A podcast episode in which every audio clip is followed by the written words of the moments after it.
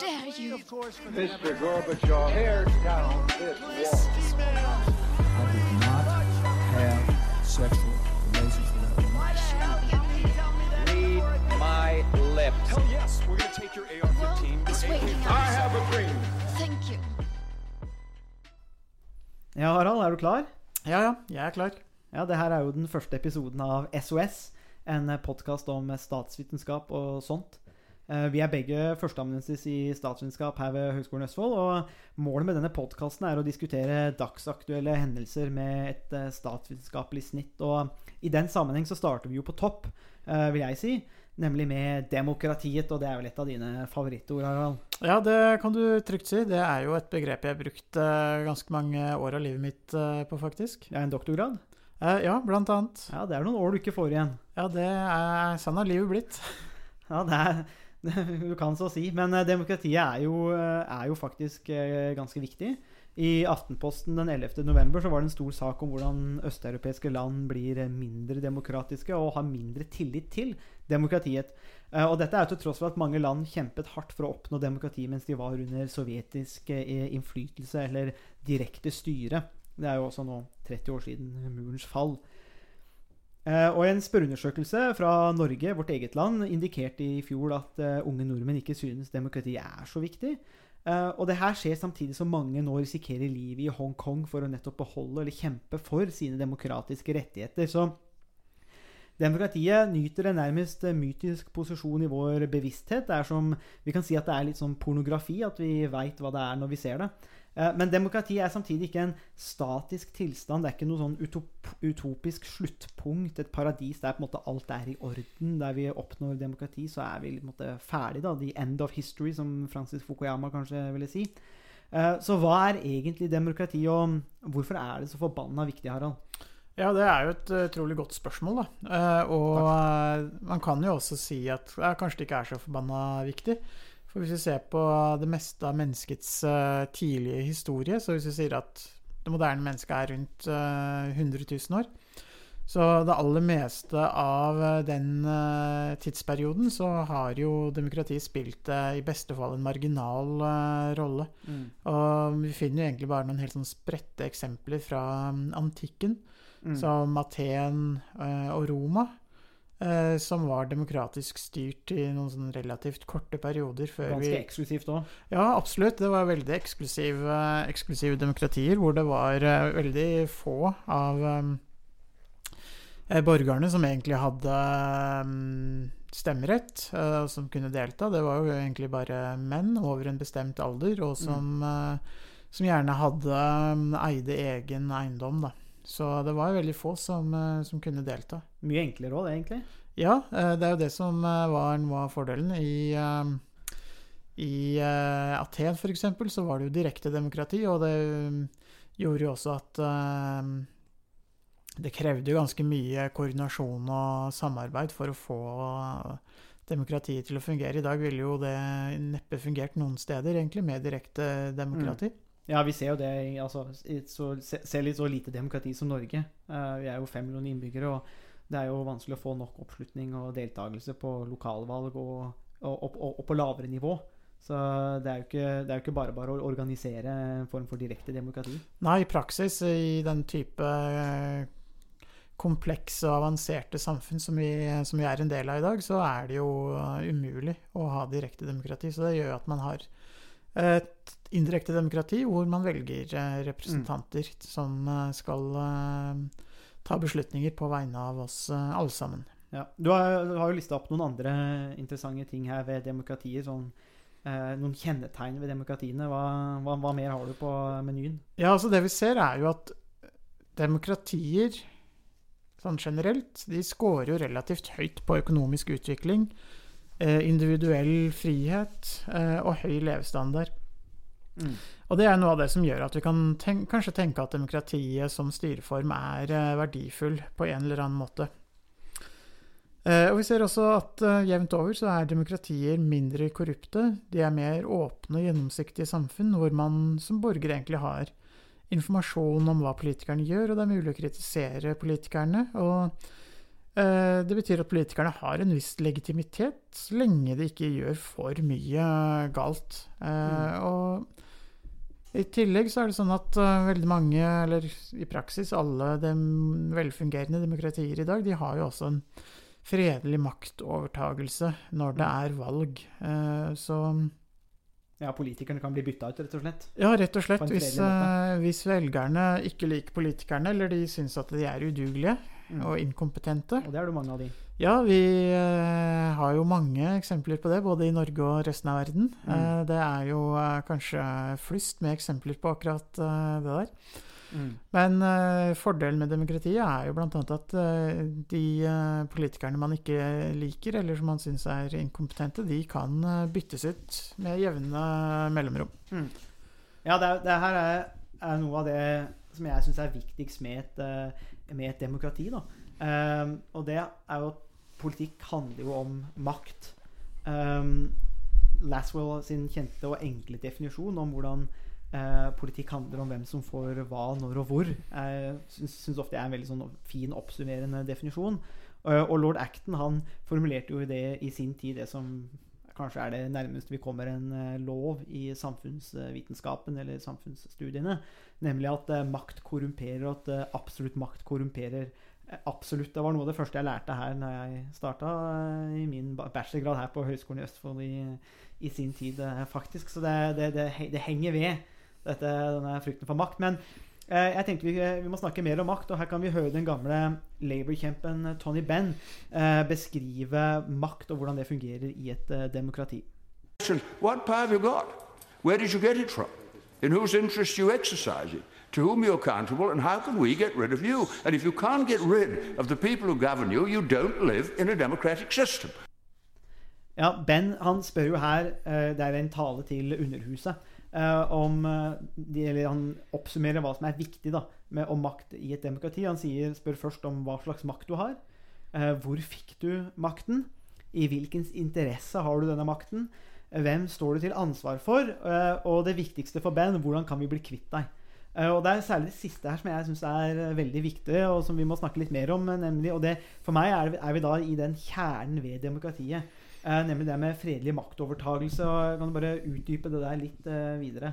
Ja, eh, fredelig maktovertagelse betyr jo at man bytter ut de politiske lederne med nye ledere, uten at det skjer med, med vold. Mm. Og mm, det betyr jo at man som samfunn kan bytte ledere uten at hele samfunnet blir paralysert, eller at det polariseres. Eh, og partiene tenker jo kanskje at de har mest å tjene på å gi fra seg makten frivillig, rett og slett fordi at i det lange løp så vil de kunne få tilbake eh, makten.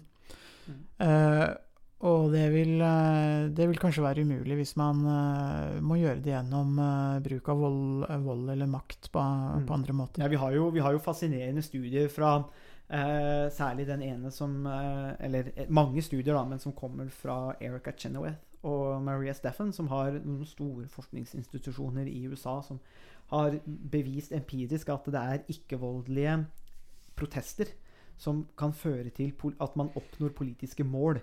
Mens med en gang vold blir introdusert, så skaper det en voldelig dynamikk eh, som skaper arr. Det skaper en historie, en, en tradisjon for vold, som vanskeliggjør politikk. Det, I i Hanna Arends eh, terminologi så vil vi si at eh, rommet for makt som en mulighet for politikk eh, innskrenkes. Det, blir, det vanskeliggjør politikk, og det er kanskje derfor den fredelige maktovertagelsen nettopp er så viktig.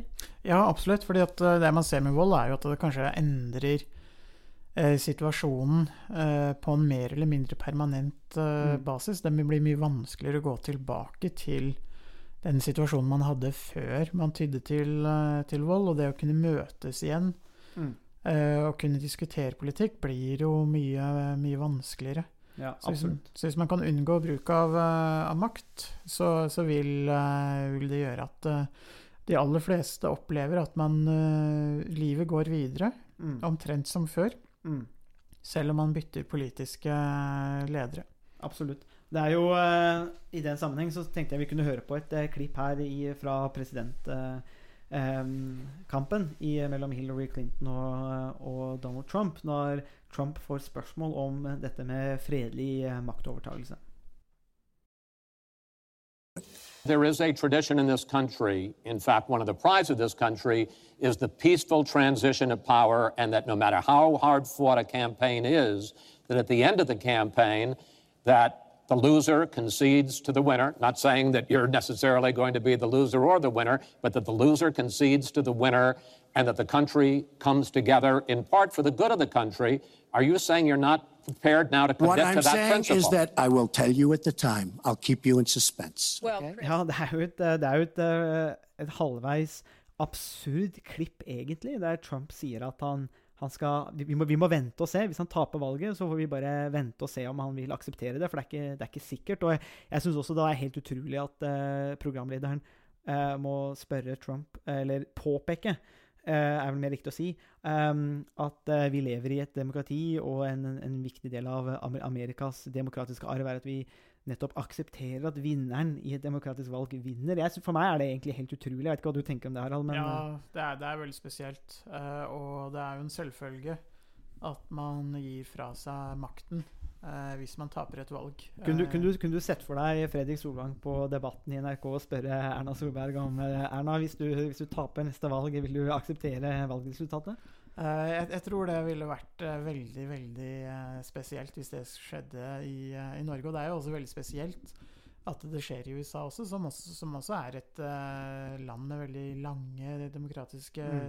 tradisjoner. Egentlig lenger i og for seg lengre demokratiske tradisjoner enn det vi, vi har i Norge mm, også, på mange måter. Mm. Ja, absolutt. Det er, eh, ja, det, det, det, jeg tenker at det går, det går litt inn mot det der altså at det med Nettopp det at demokrati ikke er en sånn statisk enhet, da, eller eh, at, eh, at det kan Demokrati i seg selv kan eh, Det er en dynamikk der, det er ikke fast. Slik at man, Mm. kan, man kan gjennom demokratiet bli mer udemokratisk. Ja, det, det kan man jo absolutt bli. Og det som man også kan si er et kjennetegn på velfungerende demokratier, er jo at de eh, defineres av at det er stor grad av eh, at makten er upersonlig, og den makten som politikerne har, ligger i institusjonene mer enn eh, hos uh, enkeltindivider. Og politikere kommer og går, men institusjonene består uh, Mm. over uh, generasjoner og over lengre tid. Og det sammen med åpenhet og det at man gir fra seg makten frivillig, er med på å skape og definere det demokratiet som vi, eh, vi kjenner i dag. Mm. Ja, det, er- det, er, det er jo det eh, Det tar oss en måte til neste punkt i denne eh, lille korte diskusjonen vår om demokrati. Vi tar et par tusen år i en, eh, i en, i en kort halvtime, men det, får, det får bli som det blir. Men, eh, men når vi baserer oss, eller vi kan bygge videre på nettopp dette med Trump, da, og der er det jo fryktelig mye vi kan si, men en av de tingene som nevnes i alt det som nevnes om Trump, det er jo korrupsjon. og jeg, Vi nevnte tidligere det med lord Acton og, og hvordan makt korrumperer. Men korrupsjon er viktig. Kan du, kan du fortelle litt mer om hva er, det, hva er dette forholdet her mellom eh, demokrati og korrupsjon? Ja, altså det, Noe av det som ligger i fredelige maktovertagelser, er jo at man kan bytte ut politikerne. Og politikerne de vet at i, uh, i et demokrati så hvis de gjør for mye galt og for mye dumt, så vil eh, velgerne kunne kreve at de, eh, de byttes ut. Mm. Og når politikerne har den trusselen over seg om at de de vil bli vurdert og kritisert hvis de gjør noe galt, så fører det til at de kanskje i større grad vil unngå å være korrupte eller kom, fatte vedtak som, eh, som gir, eh, som gir eh, fordeler til, til de gruppene som Eller bare fordeler til de gruppene som de representerer, osv. Så, videre. Mm. så man har muligheten til å eh, til å bytte ut politikerne hvis man opplever at politikerne bare gir fordeler til de gruppene som de, de selv er en del av. Og der er jo også litt, har jo også litt betydning hvis man sammenligner autoritære styresystemer Mm. eller regjerings- eller styreformer med demokratiske, hvor man ser at i autoritære eh, styresett så er det ofte er, den politiske makten ofte assosiert med en bestemt eh, sterk eh, leder. Eh, og når den lederen forsvinner, så forsvinner også de politiske, det politiske systemet, fordi at det, det er så sterkt knyttet opp til en bestemt eh, person. Mens det man ser i demokratiene, er at det, makten er upersonlig. Og den, eh, den knyttes opp til institusjonene. Mm, Jeg tenker på et par sånne konkrete eksempler der. og Det ene er jo den store tabben som ble gjort med invasjonen i Irak. Eh, Hvor man nok ikke forsto helt at eh, Saddam Hussein var måte, institusjonen som til dels holdt et veldig komplisert og fraktert land sammen. Eh, Og når de fjerna han, så var det ingen- institusjoner. Eller de, eller de røska på en måte opp institusjonene. Og, da, og, og man ser jo kaoset som har fulgt etter at institusjonene forsvant. Så det er, institusjonene er fryktelig viktige. Og eh, et annet eksempel eh, som i hvert fall var noe jeg tenkte på jo, eh, Sånn blir man jo litt sånn miljøskada av å jobbe med politikk. Men jeg var i Beograd for to år siden og eh, var innom mausoleet til eh, marshal Tito, eh, Jugoslavias eh, store leder. og det som var litt, eller som slo meg, i hvert fall, var For når man går rundt i Beograd og man ser eh, gå rundt i bygg som er bomba Uh, Det gamle TV-huset eller mediehuset i Beograd er jo fortsatt bare ruiner, og det er kulehull og alt mulig eh, rundt omkring. Uh, så, så slo det meg at og når man går i mausoleet, så ser man på en måte hvor hylla Og de hyller jo fortsatt. Det er jo nærmest sånn, sånn Tito-kult. Eh, og det som i hvert fall slo meg, var det at eh, han var nok en, en stor leder, men samtidig så var det han som var Jugoslavia. Det var han som var institusjonen. Og når, da han døde, så bare rakna For det var ikke brukt tid til å bygge opp institusjoner der folk hadde noe eierskap. Og som, som du sa tidligere, som jeg syns er, eh, er, så viktig, er nettopp det at politikere kommer og går, da, men at institusjoner skal være mer permanente. Og det er vel det, er vel det vi får med demokratiet ideelt sett da, over tid, at man faktisk får mulighet til å bygge opp, eh, bygge opp institusjoner. Ja, helt, helt riktig. Eh, og både um, i, Irak og Serbia er jo veldig gode, gode eksempler på det. Man finner jo eksempler på, um, på det i Altså hvor man ser at staten og de politiske institusjonene i dag også knyttes veldig sterkt opp til bestemte ledere i mange deler av verden. Det kan man jo se i, i Russland f.eks. også, hvor Putin eh, er eh, dominerende og Mm. i praksis er staten. Og man kan også si, kanskje si det samme om Venezuela og antagelig flere andre land. eh, Erdogan er jo litt på vei. Ja, Tyrkia eh, kanskje mm, er jo også et veldig godt eksempel på det. Så, så man finner mange eksempler på, på at demokrati og institusjonene undergraves. Og det er det som er, kanskje er faren ved utviklingen i både Russland, Venezuela, Mm. Tyrkia og andre steder. At det er institusjonene som, eh, som forvitrer, og makten blir personlig. Det, er- og det tar oss på, en måte inn på et, eh, på et neste viktig punkt i demokratiet. Uh, tenker jeg, fordi at med, med institusjoner krever også deltakelse. Og man krever at, man, at det er en frivillig deltakelse. Igjen, jeg tenker alltid at den definisjonen som Eller noe av det Hanne Arendt snakker om, nettopp det med politikk som er Eller makt og politikk. Altså det å komme sammen eh, og skape noe sammen. Det rommet er fryktelig viktig, og det krever også en deltakelse. Eh, og det var jo noe grekerne eh, grekerne snakket om også. Um, uh, og uh, ikke bare det å stemme, altså, men det å være, det å være uh, en sånn generell delta deltakelse. Og Amartya Sen, en av verdens ledende økonomer, har jo som kjent argumentert for, eller det er en påstand nå, at demokratier ikke opplever hungersnød. Eh, og Det er jo på bakgrunn av de tingene vi har snakket om, men jeg mener at den påstanden også gir en indikasjon på noen av disse sentrale mekanismene. Vi har snakket om maktovertagelse, om å kontrollere korrupsjon, også, men vi har lyst til å snakke litt mer om det her med, med deltakelse. For grekerne og atenerne snakket jo om deltakelse, for det var jo direkte demokrati, og de som ikke var med, de var jo eh, idioter. Et ord som har, eh, vi har tatt med oss nå i eh, en, av de store arvene kan vi si, fra, fra antikkens Hellas. Men, men hvorfor er nettopp eh, dette her med deltakelse så viktig? For vi ser jo også, som sagt, jeg viste til den eh, undersøkelsen i starten av podkasten som viser at nordmenn og unge nordmenn, også ungdom, ikke bryr seg så veldig mye om demokrati. Ser ikke så mye nytten av det. Så hvorfor er den deltakelsen så viktig? Ja, det er et veldig godt spørsmål. Jeg har egentlig tenkt eh, ganske mye på akkurat eh, det spørsmålet her. Og jeg synes, for meg er det egentlig litt uklart hvor viktig deltakelse faktisk er, og hvilken rolle deltakelse spiller i demokratiet, rett og slett. Eh, for man kan jo tenke seg at, eh, som mange demokratiforskere gjør, er at Ja, eh, deltakelse er veldig viktig fordi det vil legitimere demokratiet og opprettholde demokratiet som, eh, som styreform. Eh, og noen argumenterer jo også for at det er veldig viktig at borgerne er med eh, i den politiske prosessen på ulike måter. Det er med på å påvirke og delta prosessene som fører til politiske vedtak. Og fordelen med å, å delta på den måten er jo at man eh, Hvis man snakker sammen, så kan man kanskje få mindre polarisering.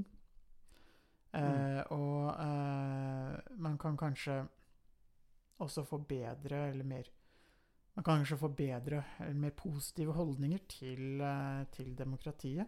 Ja, altså gjennom dialog eh, og, og diskusjon, rett og slett, komme fram til eh, Ja, en, man en kan plattform. Da. eh, Felles, felles plattform, felles forståelse, kanskje? Det, det, det er jo det som er idealet, men uh, problemet er jo hvordan man kan gjøre det her Mm. i praksis. For de aller fleste øh, har jo en øh, jobb og en familie, hobbyer, interesser og øh, en lang rekke gjøremål som, som de rett og slett bare må, må bruke tid på. Og for Mm. mange er det da kanskje ikke tid til overs til å drive med politikk. Mm. Uh, og mm, så i tillegg til den tiden det tar, så kreves det jo også veldig mye kunnskap. Uh, og mm, det vil eh, kreve ganske mye tid, og man vil også måtte ha en lang utdannelse kanskje også for å kunne eh, få den bakgrunnskunnskapen som politikerne i dag eh, til en viss grad trenger for å fatte de beslutningene som, som Mm. dette er. Så spørsmålet er jo hvordan det her kan gjøres i praksis, mm. og, eller om det kan gjøres i praksis i det hele tatt. Og vi ser jo at selv om de aller fleste velgerne egentlig bare deltar ved å stemme hvert fjerde år, så fungerer jo demokratiet likevel på en sånn noenlunde grei eh, måte. Så spørsmålet er jo er deltakelse så viktig som det, det mange mener. Mm, Jeg tenker på det med, med kunnskap òg. Altså, eh, jeg, tenker den Nav-saken som vi har gående akkurat nå, hvor, hvor, hvor, altså hvor hele systemet ikke har klart å forstå EØS-regelverket. Faktisk, Det er jo en kollektiv svikt. Det viser jo også kanskje hvor komplisert eh, mange saker er. Og hvis man da bare skal ta et sånn lett ja-nei til EU, til EØS, så, eh, så, så holder på en måte ikke det. Det er ganske kompliserte saker, da.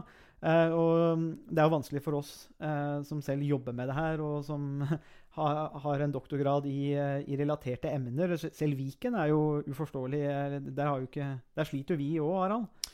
Ja, det tror jeg vi ikke er alene om heller. Det, det virker som det er eh, Viken er jo et, eh, en, en sak som egentlig får de fleste til å, å st- stå og moppe litt. Ja, det, er, det holder ikke. Nei, det er, det, er, det er mye vanskelig, det er ingen tvil om. Eh, og, og, og det du også sier òg, at det der med deltakelse For at det, vi hører jo alltid det rundt valg at eh, stemmer du ikke, så har du ikke rett til å klage og, og, sånne ting. Men, eh, og så vet vi at det krever fryktelig mye kunnskap. Men et annet, annet spørsmål, litt sånn eh, type eh, spekulasjon kanskje, bare litt sånn løst spørsmål. Men bør alle få stemme?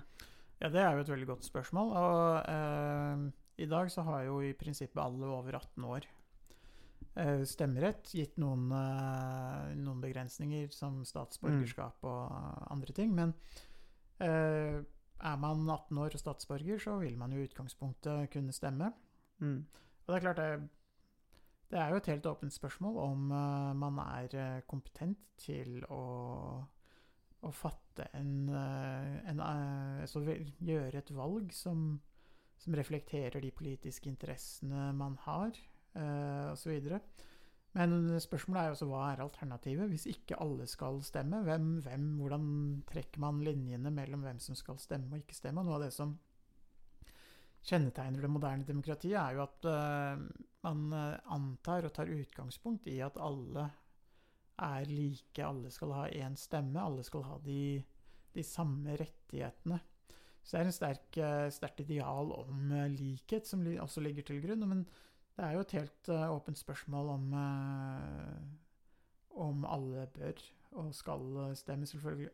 Ja, det er jo, altså jeg, jeg, tenker det, Er det fristende å gå tilbake til antikken selv og så si at eh, vi må ha filosofen som, som konge? Eh, det, det, det, vi vil jo tjene godt på det, da. Det, slår meg jo at det kunne være ganske gunstig for oss. Det kan jo hende at det er det som er løsningen. Men eh, vi får gå på det siste spørsmålet. Det, er, det, det her er jo kompliserte saker. Og jeg tenker på den, nettopp det med deltakelse. eh, hvor mye skal man stemme? Er, vi lever i kompliserte samfunn. Eh, og så er spørsmålet hva er alternativet? Uh, så det, det, det her er jo spørsmål som ikke kommer til å forsvinne heller. Uh, men jeg tenkte å avslutte med et sånn siste spørsmål om, som er, handler om en litt sånn kritikk som har blitt artikulert helt siden Platon og Aristoteles. Og de mislikte jo demokratiet bl.a. pga. noen spesifikke hendelser. F.eks. i i en av Athens kriger mot Sparta, hvor Agoran en dag stemte for å sende militære styrker mot Sparta, mens neste dag så ombestemte de seg. og Mange av filosofene spurte seg, spurte seg derfor om det er riktig eh, å gjøre at det er måtte, folkets skift, altså Hva som er riktig å gjøre, skal det avhenge av folkets skiftende vilje. Og ut fra det så kan vi utlede noen aktuelle spørsmål om, om f.eks. hva gjør man hvis noe, noe som er objektivt riktig, blir stemt ned av flertallet, eller om vi kan også reversere det og si hva om noe som er objektivt galt, blir eh, vedtatt av eh, flertallet. Og hva, hva tenker du om den, den kritikken der av demokratiet? Ja, Det første er jo egentlig eh, i hvilken grad man kan vite om noe er objektivt galt eller eh, riktig. Og ofte så er det jo en god del uenighet om akkurat hva som er objektivt eh, galt eller riktig. Mm. Og um, Hvis vi tar klimasaken da, som objektivt riktig, hva, hva Ja, altså I dag så er det jo et uh, relativt stort mindretall i Norge som uh, mener at klimaendringene ikke er menneskeskapte. Eh, og spørsmålet er jo altså Har de rett eller ikke? Eh, de aller fleste i dag tenker jo kanskje at Eller store flertallet tenker jo i hvert fall at eh, klimaendringene er menneskeskapte. Og mm, Stortingets politikk og dagens regjering tar jo utgangspunkt i at klimaendringene er menneskeskapte, og politikken som utformes, Mm. er jo basert på, på at klimaendringene er menneskeskapte. mm. Men uh, det her er jo Én ting er jo klimaendringene. Det her kan, er jo, kan også være relevant i veldig mange andre saker. Mm. Uh, og mange saker er kanskje enda mer komplisert, og du nevnte Nav-saken den Nav-saken som har kommet uh, opp nå, om hvordan man skal tolke ulike EØS-regler og Mm. hvilken betydning det får for det norske eh, lovverket. Eh, og man kan stille seg spørsmål om eh, altså hvordan man løser den type veldig kompliserte saker, da, hvor det kanskje er eh, mange argumenter og, på, på, på, på begge sider av hvordan man skal Mm. tolke et bestemt eh, spørsmål. Mm. Så, så det her er jo veldig vanskelig, og spørsmålet er jo i hvilken grad vi er kompetente til Ja. å ta den type beslutninger på en demokratisk måte. Mm. Eh, og så I tillegg så handler det jo om hvordan man behandler mindretallet. Ja, var det jeg tenkte jeg skulle si. at eh, det spørsmål, De spørsmålene jeg stilte nå, de er jo eh, De går jo på én vinkling, og den er jo litt skarp, kanskje. Men det som kanskje er mer eh, relevant på én måte, er, er et spørsmål om bare, bare fordi man har flertall, betyr det at man har rett, eller får rett? Det er kanskje et mer relevant spørsmål når det kommer til eh, demokrati og politikk. Absolutt. eh, Og flertallet eh, trenger jo ikke å ha rett. Det at man har et flertall for et bestemt standpunkt, er jo egentlig bare et uttrykk for at det er et flertall eh, Mm. som uh, mener noe bestemt på et bestemt uh, tidspunkt. Det er jo ikke et uttrykk for at noe er eh, riktig eller bedre. Eh, og det her er jo veldig krevende for eh, ethvert demokrati. Eh, for flertallet kan jo eh, krenke og eh, eh, behandle mindretallet på en, eh, på en dårlig måte. Og det um, er jo noe som eh, eh,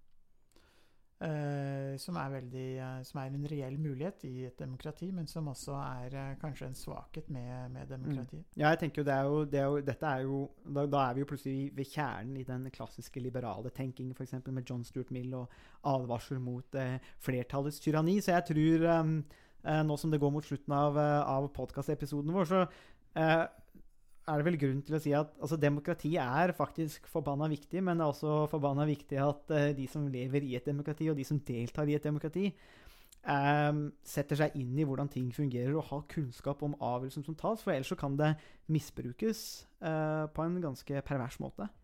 Ja. Det er vel konklusjonen vår, er det? Det, det tror jeg absolutt. Vi er enige om det? Det er vi veldig enige om. Takk for at du hørte på denne episoden av SOS.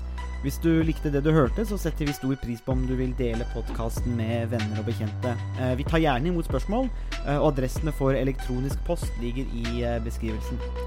Musikken var komponert av Robin Horvath, og neste episode kommer om en uke sånn cirka. Vi høres! And change is coming whether you like it or not.